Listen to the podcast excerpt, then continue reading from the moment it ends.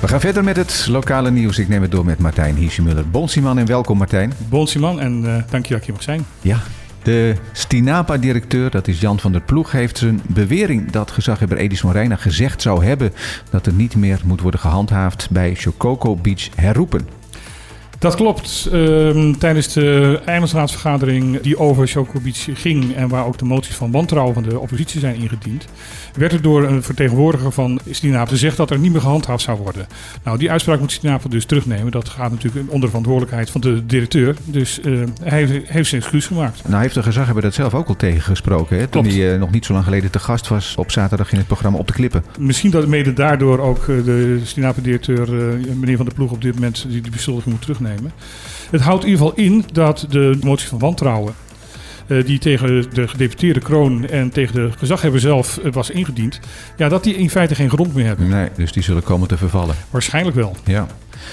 Uh, nog even doorgaand uh, op de situatie bij Chococo. Want daarmee is nog niet alles van de baan. Want in Nederland uh, heeft D66 nu toch geopperd om de situatie helemaal terug te brengen naar de situatie voordat dat illegaal gestorte zand daar werd neergelegd. Dat klopt. Tweede Kamerlid van D66, Tjeertje Jong, die niet van Koningsrijksrelatie is, de commissie Koningsrijksrelatie is, maar van de commissie Natuur en Milieu. Ja.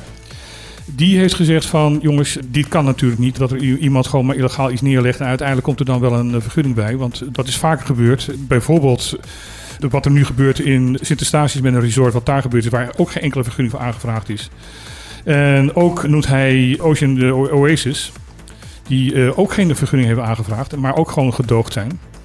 En daar is eigenlijk nooit wat over gezegd. Maar ook daar zegt hij van, ja jongens, dit, dit mag geen trend worden in, de, in, in het Caribisch gedeelte van, en, van En daar lijkt het wel op, dat het een trend aan het worden is. Als, het, je, als je zo die drie, vier dingen achter elkaar ja. hoort.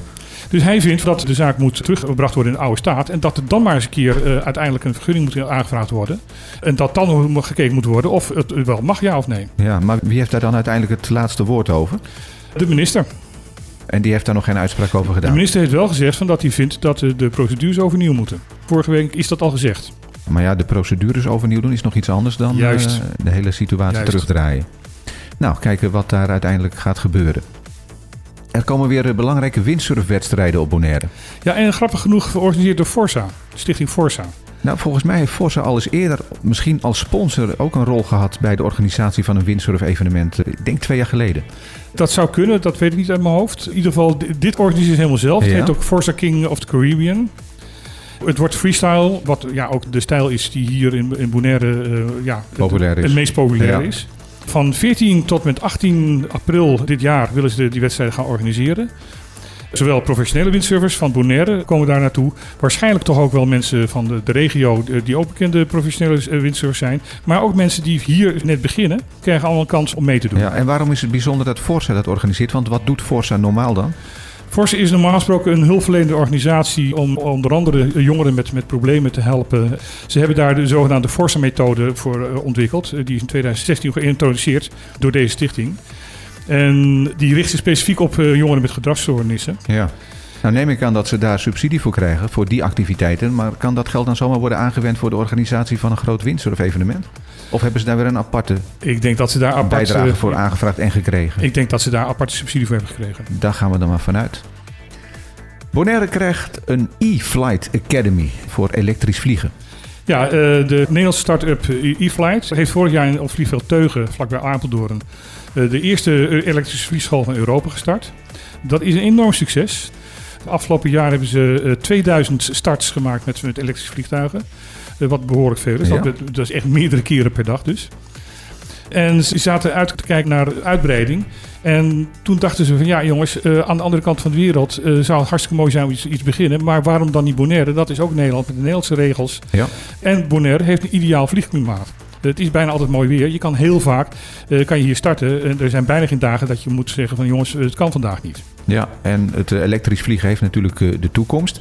In eerste instantie met wat kleinere vliegtuigen die natuurlijk Ja. eh, uitermate geschikt zijn om tussen de eilanden te vliegen. Ja, want de eerste generatie elektrische vliegtuigen kunnen niet verder dan een paar honderd kilometer. Nou, dat is natuurlijk gewoon naar de APC-eilanden eh, is dat ideaal. Ja, en hoeveel personen eh, kunnen ze inmiddels meenemen? Ze kunnen nu op het ogenblik maximaal zes mensen meenemen, maar dat zal binnen een paar jaar zal dat oplopen naar twintig. En ze certificeren volgens de Europese ESA-regelgeving, die is strenger dan de Amerikaanse.